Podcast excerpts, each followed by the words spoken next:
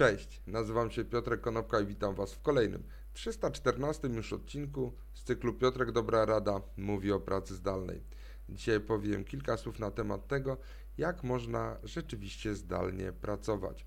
A tematem przewodnim tego odcinka jest taka aplikacja, yy, która się nazywa Launch. E, jest to aplikacja przygotowana przez Alexa Kwona i Jasona e, Jardema. E, te osoby nie pracowały wcześniej zdalnie, dlatego też ich podejście jest dosyć nietypowe. Autorzy mówią, że mm, bycie cały czas na Zoomie, czy bycie cały czas na Slacku i są, gdy są to rzeczy związane z pracą, bywa męczące. Natomiast jeżeli bardzo wielu z nas ma e, swoje hobby związane na przykład z grami online, takimi jak World of Warcraft, czy z doświadczeniami związanymi z aplikacjami randkowymi, po których ludzie nawet y, zawierają małżeństwa. To znaczy, że jednak umiemy żyć w świecie cyfrowym, umiemy żyć w online. To wystarczy teraz zaaplikować te e, nasze umiejętności i nasze doświadczenia w nowe miejsce, w nowe otoczenie, do pracy. Co to oznacza? Wystarczy stworzyć bardzo spersonalizowane pokoje, które możecie zobaczyć na obrazkach e, pokazanych w komentarzach pod spodem pod tym e, podcastem.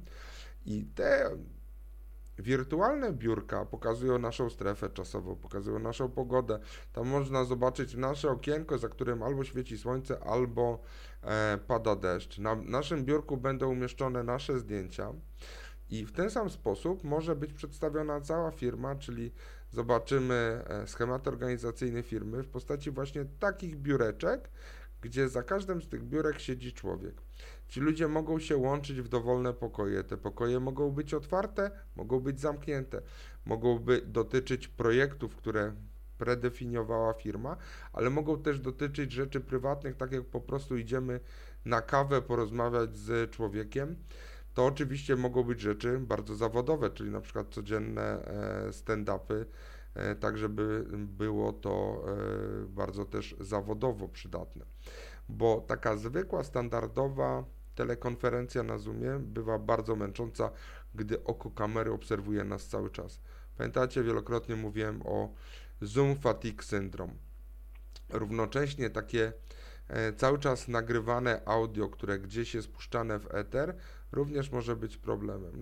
Natomiast tutaj od razu widzimy, czy człowiek pracuje, czy nie pracuje, e, czy ma być może chwilę wolnego, bo być może spędza przerwę na kawie. Jeżeli ma wolną chwilę, możemy od razu połączyć się z nim e, przy użyciu czy to wiadomości tekstowej, czy takiej wiadomości e, głosowej na żywo. To jest bardzo mocne połączenie w sposób wizualny E, zarówno e, Zooma od strony takich wideokonferencji, jak i Slacka, czyli kanałów tematycznych. E, co ciekawe, ta firma zebrała ostatnio 1 200 tysięcy dolarów w swojej rundzie finansowania mm, i mam poczucie, że to jest jeden z tych pomysłów, który będzie łatwy do wdrożenia, bo oczywiście technologie wirtualnych telekonferencji w wydaniu 3D, takie jak proponuje E, Google w swoim projekcie e, Starline, to jest przyszłość, ale na razie do tej przyszłości musimy dojść i być może będzie to z wykonaniem właśnie takiej aplikacji jak Launch. Dzięki serdeczne, do zobaczenia i usłyszenia jutro. Na razie.